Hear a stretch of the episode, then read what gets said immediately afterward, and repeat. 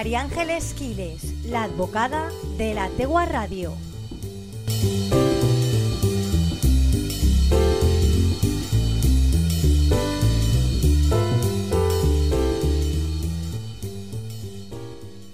Hola Elia, buenas tardes a ti y a todos los que nos escucháis. Es viernes, toca hablar de derecho y vamos a ver eh, qué pasa con las obligaciones impuestas, si se tienen que cumplir o no. Y en este caso, pues lo vamos a hacer a través de un ejemplo de una sentencia eh, relacionada con una herencia de la sección quinta de la Audiencia Provincial de A Coruña, en la que se declara nula la institución de heredero de un hombre que incumplió la promesa que le hizo a su esposa, fallecida en el 96, de no rehacer su vida con otra mujer.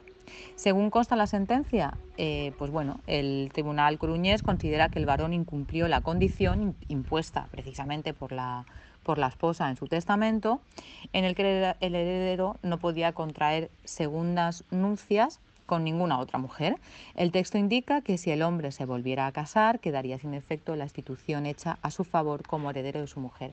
Aquí lo primero que tenemos que tener en cuenta es que los, los eh, cónyuges no son herederos directos de, de los fallecidos, de las personas fallecidas, en este caso de su mujer.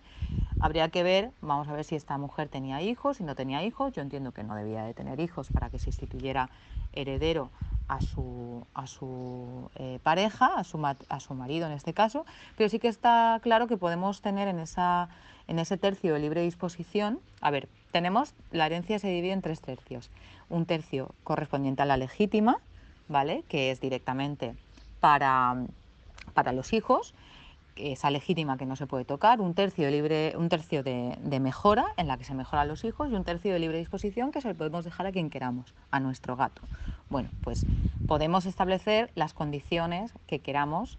En el caso de las legítimas no, porque bueno, se puede heredar, lo hemos hablado alguna vez, a algunos herederos siempre y cuando pues se encuentren dentro de los supuestos tasados en la ley. Pero bueno, vamos a centrarnos en este caso que ha sido bastante curioso, es una sentencia muy reciente, de junio del 2016, apenas hace unas semanas, y es que, bueno, pues eh, como os decía, la sentencia de la Audiencia de Coruña considera aprobado que tras el fallecimiento de su esposa en el 96, el, el varón mantuvo durante años una unión de hecho con otra mujer, lo que equivale a un matrimonio en la práctica. Los magistrados coruñeses echan mano incluso de informes de la policía del lugar de residencia de la pareja para confirmar esta circunstancia. No obstante, dado que la resolución no es firme, pues cabe ver qué es lo que va a decir el Tribunal Supremo. La herencia pasaría a los escuñados. De esta forma, los herederos pasaron a ser los hermanos de la fallecida. Además, el hombre fue condenado a la restitución de los bienes de la herencia de su difunta esposa y quedaron anuladas las transmisiones que pudiera haber realizado en los últimos años de dichos bienes. Ojo, esto es muy importante. Como ya no tiene la condición de heredero, porque ha incumplido la obligación que le puso su mujer de no casarse con otra o la promesa que le hizo en el caso de que fallecieras no me voy a casar con nadie, lo recogió en el testamento esta señora y lo ha incumplido, pues devienen, eh, pues eso, nulos todos los, o anulados, todos los, eh, pues si lo vendió o hizo algo, pues con todo eso tendría que devolverlo a la masa hereditaria para que los hermanos de la mujer pudieran heredar.